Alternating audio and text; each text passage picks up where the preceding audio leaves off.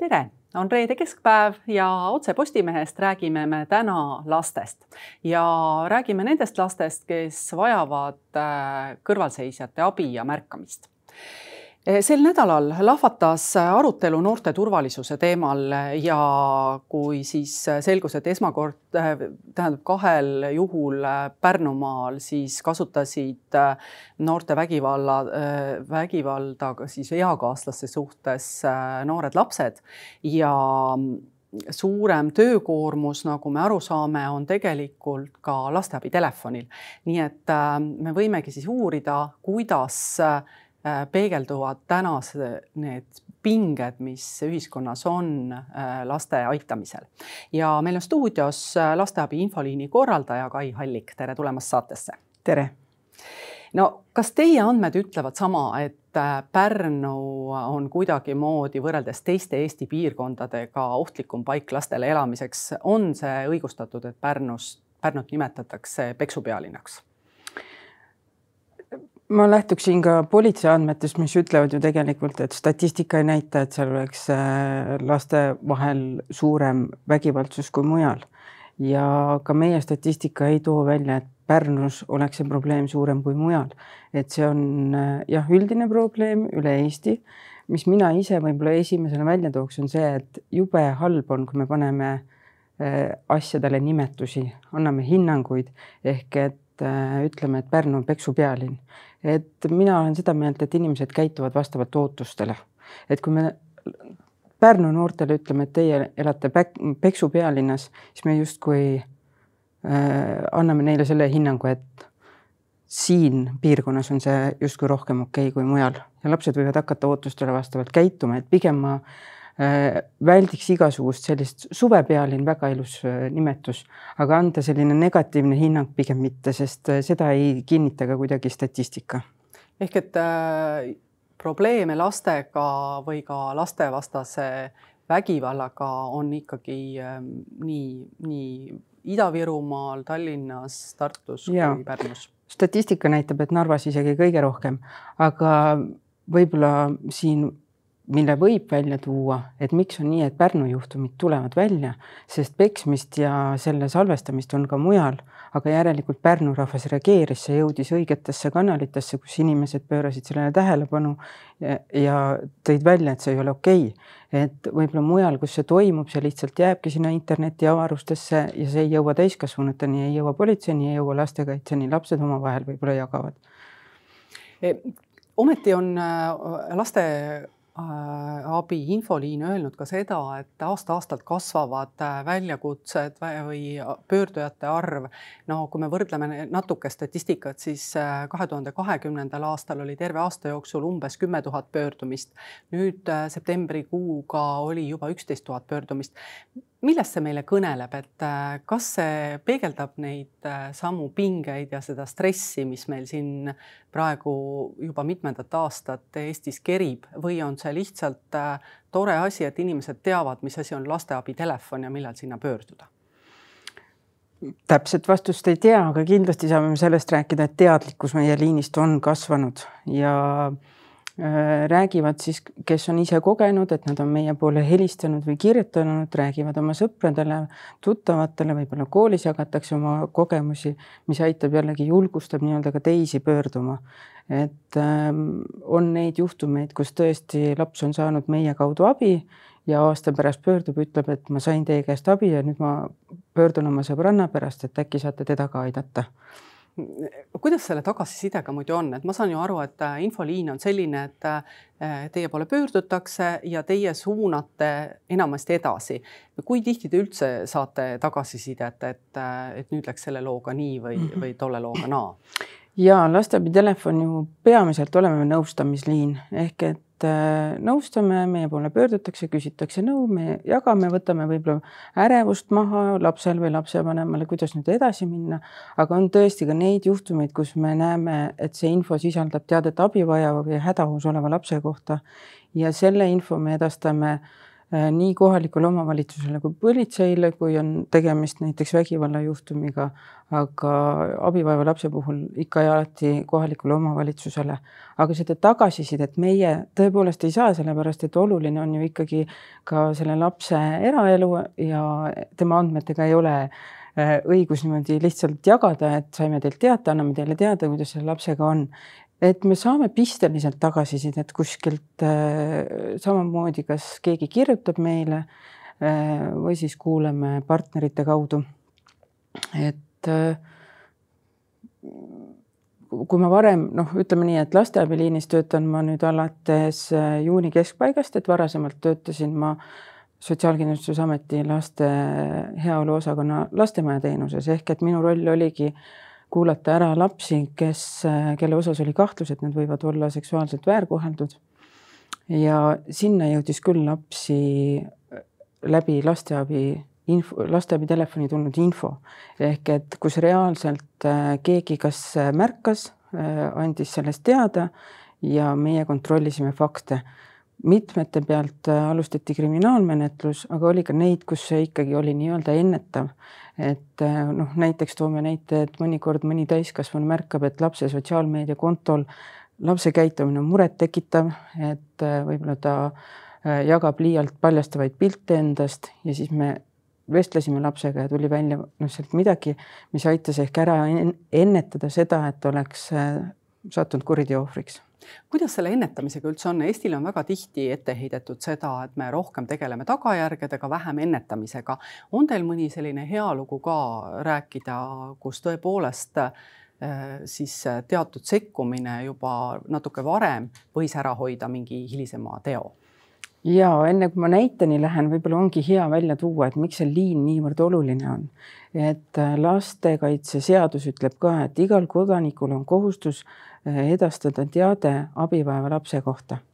mõni loeb seda justkui seda, et mul peab olema teave ja kuna ma täpselt ei tea, mul on ainult see tunnetus, siis ma ei edasta, sest äkki see on vale. aga kui ma toon nüüd näite, kus eh, üks eh, spetsialist rehabilitatsiooniasutuses osutas lapsele teenust ja laps jagas temaga oma õhtuseid rituaale isaga, kuidas nemad müravad. Ja kui laps oli kabinetist lahkunud, siis spetsialistil ei jäänud rahu hinge, sest ta mõtles, et see küll ei ole kuritegu, see, mis isa teeb, aga see ei ole ka nii-öelda õige tegu, et see läheb sotsiaalsetest normidest ikkagi välja. ja ta võttis ja helistas meile siis lasteabitelefonile tol hetkel ja sealt läks edasi info nii politseile kui äh, lastekaitsele, sest oli ebaselge, kas ja kui kaugele need mängud lähevad. ja tuli välja, et äh, ei tulnud sealt kriminaalmenetlust, aga laps sai väga selgelt väljendada, et see, mis isa teeb, ei sobi talle ja lastekaitse ja politsei mõlemad lapsega vestlesid, mitte lapsega, vaid siis isaga ja ütlesid, et äh, milline on siis korrektne käitumine ja, ja kuidas tagada see, et laps tunneks ennast turvaliselt kodus. ja mida isa selle peale tegi? isa ei eitanud ja äh, noh, mina ei olnud see, kes temaga rääkis, aga tagasiside politseilt oli, et täitsa kuulas ja ei, ei olnud sealt äh, tunnistas viga selge. E, no aga kui me räägime nüüd natuke lähemalt sellest, et äh, ikkagi neid pöördumisi tuleb juurde äh, lasteabiliinile, siis äh, mis on need põhilised pöördumised ja, ja mille üle muret tuntakse mm? -hmm. meie top teemad ongi tegelikult väärkohtlemise teemad, et see ei tähenda jällegi, et alati on seal taga see väärkohtlemine aga väärkohtlemise puhul noh, ma ei mõtle nüüd just füüsiline ja seksuaalne väärkohtlemine, aga väärkohtlemise taga on ka emotsionaalne ja näiteks äh, hooletusse jätmine, et me saame päris palju teateid see, kus äh, vanem on oma lapse hooletusse jätnud või äh, peetakse teinekord tavaliseks, et lapse peale karjumine on justkui kasvatusmeetod, aga tegelikult on see samamoodi emotsionaalne vägivald, ehk et see vägivald on meil top üks, aga on ka või noh, väärkohtle, mitte vägivald, vabandust. aga on ka suhted üks väga oluline teema, et hästi palju just lapsed on mures enda suhetega eakaaslastega, samuti vanematega. see on alati nii tore kuulata, kui noh, selles mõttes sa saad aru, kui oluline see liini olemasolu on, kui laps helistab äh, oma toast nuttes ja ütleb, et ma läksin vanemaga tülli, ma saan aru, ma olen halb laps, aga et ma tunnen ennast nüüd nii halvasti ja kuidas ma seda kõike saaksin parandada ja nii edasi, et tal on vähemalt keegi, kellele helistada, et ta ei jää sinna tuppa üksinda nukrutsema ja mõtlema selle üle, kui halb laps tema on. no mis siis saab, kui laps helistab ja ütleb, et äh, ta on nüüd läinud vanemaga tülli ja ta on halb laps mm? -hmm. mis te ütlete? Me kõigepealt hästi palju me kuulame, meie roll on just nagu kuulata ja aidata lapsel nagu väljendada seda, mis tema sees on.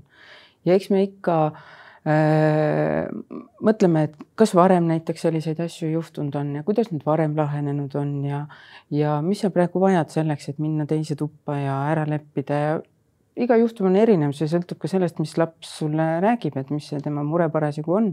aga on ka neid juhtumeid, kus tõesti läheb ka sealt see teade meil lastekaitsetöötajale, et laps on võtnud omaks selle, et on paha laps.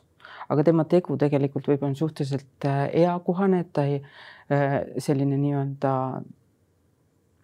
tegu, mis võib juhtuda iga lapsega selles eas, eks ole, lõhkusin klaasi ära näiteks. seda võib ka minuga juhtuda, eks ole, et ma ei ole sellepärast paha naine või, või nii edasi. et selles mõttes, et kui me kuuleme, mis tal see taust taga on, mida ta oma perest räägib, siis väike kõne võib minna ka edasi lastekaitsetöötajale ja anname ka lapsele teada, et ta teaks, et, et võidakse ühendust võtta ja lisaks on meil selline teenus nagu e-nõustamise teenus ehk et äh, juba selliste teismeliste puhul ähm, me soovitame näiteks ka, et või küsime, et kas sa oled huvitatud e-nõustamisest, see tähendab, et kui meie telefonile vastajad on kõrgharidusega lastekaitsetöö ettevalmistusega, siis äh, e-nõustajad on teraapia väljaõppega. ehk siis ehk, nagu psühholoogiliselt? jah, et me suuname ta siis, neil on kõigil pereteraapia väljaõpe ehk et me suuname, küsime, et kas sa oled nõus ja siis kokkulepitud ajal võtab juba e-nõustaja ühendust ja nad saavad edasi arutada seda teemat, kuhu siis nõustajaga pooleli jäid ja võib-olla leida uusi häid lahendusi. sama pakume vanematele ja teistele, kes pöörduvad ja kelle puhul me näeme, sest järjekorrad terapeutide, psühholoogide juurde on pikad ja me näeme, et meie teenus teinekord aitab nagu selle mõne nõustamisega selle probleemi lahendada, selle asemel, et ta võib-olla peaks pikalt ootama ja asjad seal nii-öelda kumuleeruvad. aga kui äh, pikalt peab näiteks seda e-nõustamist teie juures ootama keskmiselt? Äh, nädala jooksul saab, muidugi me ei ole seda väga suurelt reklaaminud, et äh, sest noh alati igasugune reklaam toob kaasa jällegi pöördumiste tulva, aga üldiselt oleme me nädala-kahe jooksul saanud seda pakkuda.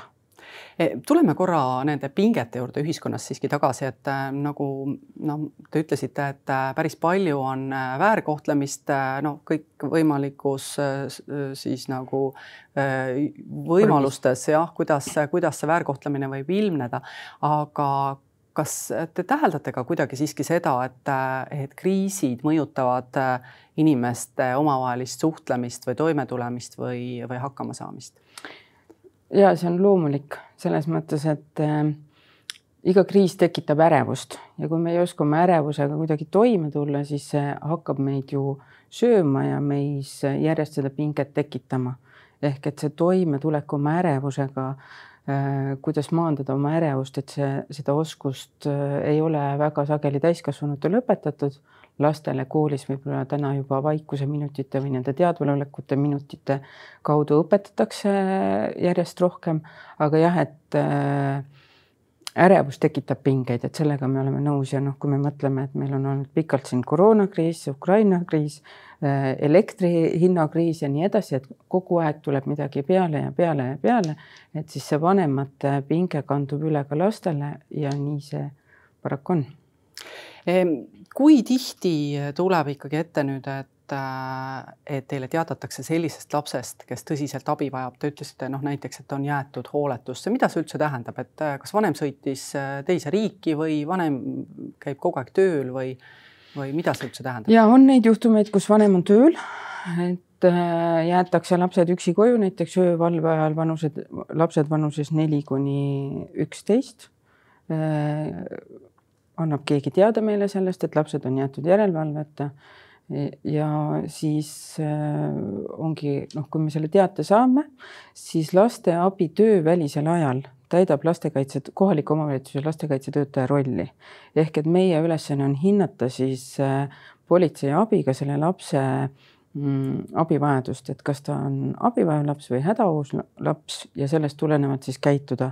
et no, kui koha peal selgub, et lapsed on ikkagi hädaohus ehk et see keskkond seal näiteks on meil olnud juhtumeid, kus äh, ei ole mm, nendel stepslil isegi seda kaant peal on ju, et äh, lapsed võivad ka näppe pistikusse panna, ehk et ühelt poolt see keskkond, teine ka see, et kui kauaks on lapsed äh, üksi jäetud, kas on tagatud see, et vanavanemad väga sageli on võib-olla kõrval korteris või nii, ehk et seda kõike kogumis hinnata, et kas lastel on turvaline sinna praegu jääda või tuleb nad sealt eraldada ja paigutada turvalisse kohta ja mis siis saab, et no ega see laps sinna turvalisse kohta jääda ei saa, et äh, mis sellele siis järgneb? sellele järgnebki lastekaitsetöö ehk et kohaliku omavalitsuse lastekaitse kui juhtumi korraldaja võtab järgmisel tööpäeval selle juhtumi korralduse üle äh, ja hakkab pakkuma laps, lapsele ja perele tuge.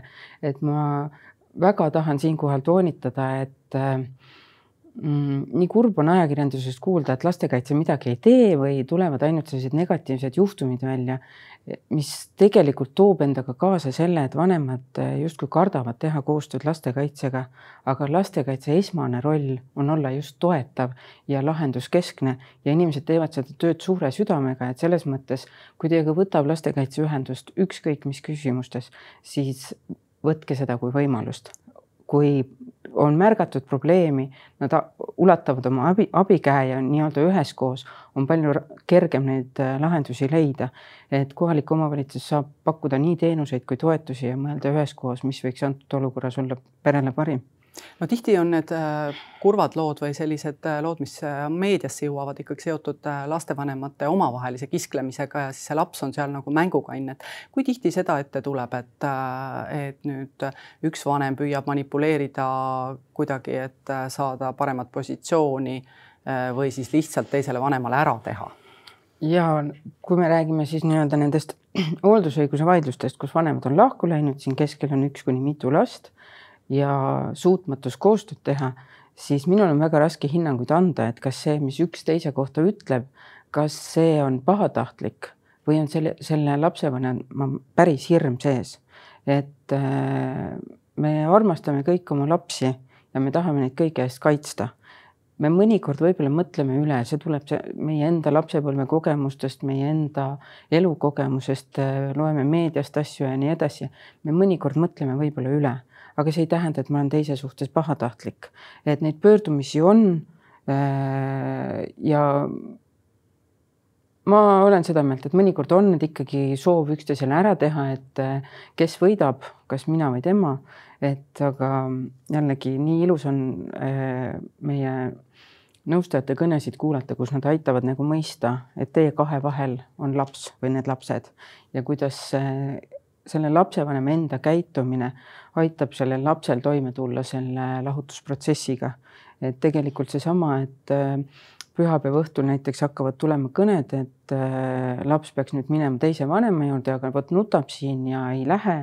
et siis selle asemel, et noh püsida seal, et ta ei lähe, siis aidatagi lapsel mõelda, et mis te issiga või emmega koos ägedat saaksite teha ja ja mis teil on olnud varem toredat, et pise, pigem selles positiivses võtmes, kui jääda kinni selles, et see teine vanem on halb, sest lapse jaoks on see niikuinii raske. ta armastab oma mõlemaid vanemaid ja tal on väga raske siit ühe juurest ära minna, kui ta näeb, et vanem on väga õnnetu, sellepärast et tema ära läheb. see ei tähenda, et ta teist vanemat ei armastaks jah, kui me räägime korraks veel sellest, tuleme tagasi selle infoliini juurde ja, ja räägime sellest, et kes ja kuidas pöörduvad, siis Praxis tegi neli aastat tagasi päris huvitava uuringu, kus ta just nimelt uuriski seda, et, et mida inimesed arvavad, kui kuidas peaks andma teada sellest, kui laps on hädas või et, et kuidas seda üldse hindama ja millal pöördutakse. Ja huvitav oli see, et et kui äh, laps, äh, kuidas ma ütlen, lapsel on probleemid näiteks teiste lastega või õpetajaga, siis äh, inimesed pöörduvad meelsamini. Aga kui nad näevad, et lapsevanem kas kuidagi alandab või, või lööb või, või tutistab äh, oma last, äh, käitub temaga noh, ütleme mitte väärikalt, siis tavaliselt ei sekkuta, öeldakse, et see on peresisene asi. mis te arvate, millest see tuleb, et selline vahe meil sees on suhtumises, millal last aidata, millal mitte? see hirm, et kuidas pärast minusse suhtutakse, et ma nüüd andsin selle teate edasi, et mis see siis meie vahel nüüd, mina näiteks naabrina annan teada, et äh, kuidas me siis pärast siin e-, edasi elame. et äh, ma arvan, et see on see, mis takistab. Äh, et pärast on mul endal, ma tean, et mõeldakse nii, et pärast on mul auto ära kriibitud ja aknad sisse löödud ja nii edasi. kas on siis ka või? Äh, ei ole et need on pigem niisugused hirmud? jah, et pigem ei ole, muidu me oleks neist meedias ilmselt kuulnud. et äh, tegelikult ju mm, on, kui, kui, kui inimesed julgevad pöörduda ja julgevad teada anda, siis äh, on ju see võimalus, et sellel pöördujal õnnestub ära hoida lapse väärkohtlemine, selle lapse äh, igapäevane selline hirmus äh, kasvamine mõjutab väga tema edasist elu, tema enesehinnangut ja sealt äh, edasi. et see on ikkagi meie kohus, miks see on pandud seadusesse, ongi, need on meie lapsed nii-öelda jah, tal on ema-isa, aga see on kõik noh, seesama, et kui me see, kuidas me täna oma lapsi toetame, see, selline on meie homne päev. et, et see on kohustus teavitada, sest lapsel endal on veel raskem oma vanemat vastu ütlusi anda. et see ongi meie igaühe kohus. jah no ja, ja kui me mõtleme neid äh, trend, trendide peale veel, mille Praxise uuring välja tõi, siis äh, ka huvitaval kombel umbes äh, nelikümmend protsenti vastajatest toona sellele uuringule arvas, et äh, last võib füüsiliselt väärkohelda. et äh, võibki teatud olukordades tutistada või noh, nagu isegi võib-olla tõugata mm. -hmm. et äh, ometi on see seaduses keelatud mm, -hmm. et, et kuidas seda nüüd ähm, noh, kuidas ma ütlen, kuidas sellesse suhtuda või, või mida selle, selle teadmisega peale hakata? selle teadmise, selle teadmisega on hea peale hakata see, et meil on veel palju tööd teha, seesama teavitustööga, mina täna siin, me räägime sellest, et äh, noh, ütleme nii, et äh, karistusseadustik paragrahv sada kakskümmend üks füüsiline väärkohtlemine ütleb, et see algab sealt, kus inimene ütleb, mul oli valus ehk et igasugune valu tekitamine teisele inimesele ei ole lubatud. Need uuringud õnneks näitavad, et see tolerantsus ikkagi järjest väheneb, üha enam inimesi on seda meelt, et see ei ole okei okay. ja siin olen lugenud ka erinevaid artikleid seoses selle Pärnu juhtumiga ja no ma kindlasti ei ole seda meelt, et, et peaks karmistama igasuguseid karistusi või peaks noh, nüüd ma räägin küll lastest on ju, et peaks neid vanglasse viima, vaatama, mis juhtub sinuga, kui sa nii jätkad ja nii edasi. et pigem peabki nagu rääkima muudkui sellest, mida meie lapsed vajavad, et tegelikult nad ju vajavad armastust ja hoolt ja vanemad armastavad oma lapsi lihtsalt nad ei oska seda väga sageli väljendada ja see ongi see, kus jällegi spetsialistid saavad appi tulla, kuidas me ise oma lapsi saaksime kasvatada nii, et neist tõesti kasvaksid äh, tublid kodanikud, aga ilma selle vägivallata, sest tegelikult see vägivald kasvatab vägivalda ja nii edasi. et muidu laps järg-, oma lapsi kasvatades mõtleb ka, et mina kasvasin vitsaga, kasvasin normaalseks, et järelikult on see vajalik, tegelikult ei ole. et äh, noh igasugune väärkohtlemine ikkagi mõjutab enesehinnangut, mis mõjutab jällegi kogu meie toimimist siin ühiskonnas. aga mitte ainult täiskasvanud, ka tegelikult lapsed ju võivad käituda üpris, kuidas ma ütlen, kättemaksuhimuliselt. seesama Pärnu juhtum, et kuidas hakati kohe kirjutama, et nüüd tüdrukutele teeme uut ja vana ja alates sellest, et ei suhtle, kuni siis hullemate asjadeni, et, et ähm, kuidas sellega saaks tegeleda? Ma ise väga armastan sellist asja nagu taastav õigus. taastav õigus keskendub sellele, et ta võtab need osapooled ja kõik osapooled saavad rääkida, mida nemad sel hetkel mõtlesid, tundsid ja mida nad täna mõtlevad ja tunnevad. et see, mida nad too hetk mõtlesid ja tundsid, ei ole sama, mis nad täna mõtlevad ja tunnevad. ja küsimus ongi jällegi, kuidas me neid aitame. kui me nad maha materdame, äh, kava, noh, mõtleme, kuidas neid karistada selliste noh, ikka karmide meetmetega, siis jällegi, kas see aitab neid? uuringud ütlevad, et ei aita, et pigem mõelda, mis on see, mida nad vajavad. iga selle lapse taga on tema lugu. et vaadata selle lapse lugu ja mõelda selliselt, et me ei tea, kuidas need lapsed kasvanud on. et uuringud jällegi ütlevad, et seda lapse esimesed kolm eluaastat, et kuidas tema on saanud seda hoolt, armastust, milline on tema kiindumussuhe, mõjutab ka tema seda hilisemat agressiivset käitumist. et võib-olla need lapsed on ise kodus kasvanud või kogenud midagi traum-, traumaatilist, mis neid täna paneb selliselt käituma. et mõelda tuleks pigem see, selliselt jälle, kuidas me kogukonnas saaksime neid aidata, mitte see, et sellest välja noh, enam-vähem paneme keldrisse ära, et siis ei ole see tähendab kindlasti, et äh, laste jaoks peab olema aega, äh, mida mõnikord äh, täiskasvanutel napib, et ähm, et kuidas seda siis, seda aega leida? minu soovitus on alustada varakult sest ikka on nii, et kui noh, kui laps sünnib, siis ema paneb noh, kakskümmend neli seitse läheb seda aega ja siis muudkui kulub, kulub, kulub aega ja siis järsku mõeldakse, et laps on suur ja enam ei vaja aega ja siis ta jääb justkui selle tähelepanuta. aga pikendage veel seda aega. Et järjepanu tuleb lapsele seda tähelepanu pakkuda, sest siis ta järjest kasvab ja ta ise vajab seda järjest vähem. et äh, Äh, kui me jätame siia selle lõtku vahele, et me ei paku talle seda ja hakkab ta hulkuma, hakkab ta noh, ühesõnaga siis on see, et tuleb koolis käia ümarlaudadel, tuleb politseis käia ütlusi anda, tuleb tänavalt last otsida, see on ka päris ajamahukas, et pigem see aeg nagu jaotada nii-öelda ennetavaks, et üldse, et ta üldse ei satuks sinna. lapsed ei vaja ju noh, nagu teismeline ei vaja enam meeletus koguses aega aga seesama, et mina mäletan hästi, tulin koolist koju, ema küsis, kuidas läks, mis ma vastasin? Iga päev üks ja sama vastus, hästi. ja noh, keegi kunagi ei küsinud, mida see tähendab.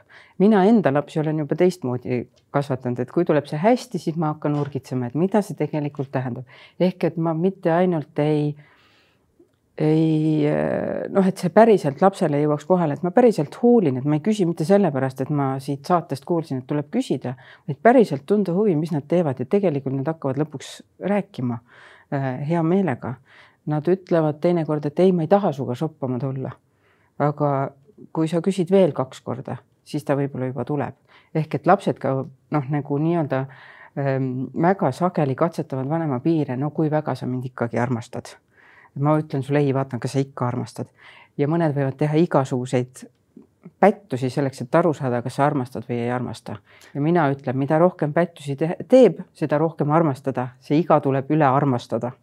Selge, nii et äh, põhimõtteliselt võiks lähtuda sellest, et äh, kui laps käitub halvasti, siis tal on mingi hingehäda. just ja sellega siis tuleb lihtsalt tegeleda ja kui jääda hätta, siis, siis lasteabi telefon võiks aidata. ma väga tänan, kuidas lasteabiga ühendust saab? ja ma just mõtlesin, et tahaks väga välja tuua, et tegelikult on meil palju erinevaid või noh, mitmed erinevad võimalused. kõige sagedasem, mida kasutatakse, on telefon üks, üks, kuus, üks, üks, üks. Üks, üks, kuus, üks, üks, üks. just ja on võimalik ka vestlus ehk äh, noortekeeles chat, aga seda saab ainult läbi lasteabi.ee. selle kodulehe pealt on äh, vestluse aken, kus siis saab kirjutada. lihtsalt äh, kõigile teadmiseks, iga kord, kui te lehe kinni panete, siis meie jaoks vestlus katkeb ja me ei saa teile edasi kirjutada. et pigem hoida leht lahti, kui te soovite, et vestlus ei katkeks. ja kolmas viis on meile kirjutades info, et lasteabi.ee see on siis täitsa tavaline email? täitsa tavaline email. kui palju seda veel kasutatakse? ikka kasutatakse. ahah, ja seda kasutavad ilmselt vanemad inimesed? aga ka lapsed, ei saa öelda, et ei, sest lastel on ikkagi teinekord päris raske äh, telefonis ennast väljendada, nad, see on väga kummaline, on ju, et ei tea, kas seal on robot taga või päris inimene, kes ta on ja kuidas ta on. ja äkki no nii tore, ma ju ei tea, mis ta küsib, eks ole, et kuidagi tundub teinekord turvalisem see email saata, et siis nad juba saavad ise lugeda ja ise küsida ja ma saan rahulikult vastata. inimeste vajadused on erinevad. kui kiiresti vastus tuleb sellisele chat'ile näiteks või emailile? ja meil äh, liin töötab kakskümmend neli seitse ja jah, mõnikord on selline olukord, et äh, töötaja vastab telefonile ja samaaegselt tuleb chat sisse, et ta ei pruugi saada nii kiiresti vastata, aga selles mõttes kõik toimub reaalajas esimesel võimalusel, samamoodi on emailidega. selge, suur aitäh tulemast täna, Kai Hallik ja soovin jõudu töös. aitäh teile ja kõigile kuulajatele-vaatajatele, kui näete hädas olevat last või, või teile tundub, et laps võiks abi vajada, siis võtke lasteabi telefon, mis oli siis üks, üks, kuus, üks, üks, üks. kõike head teile ja head nädalavahetust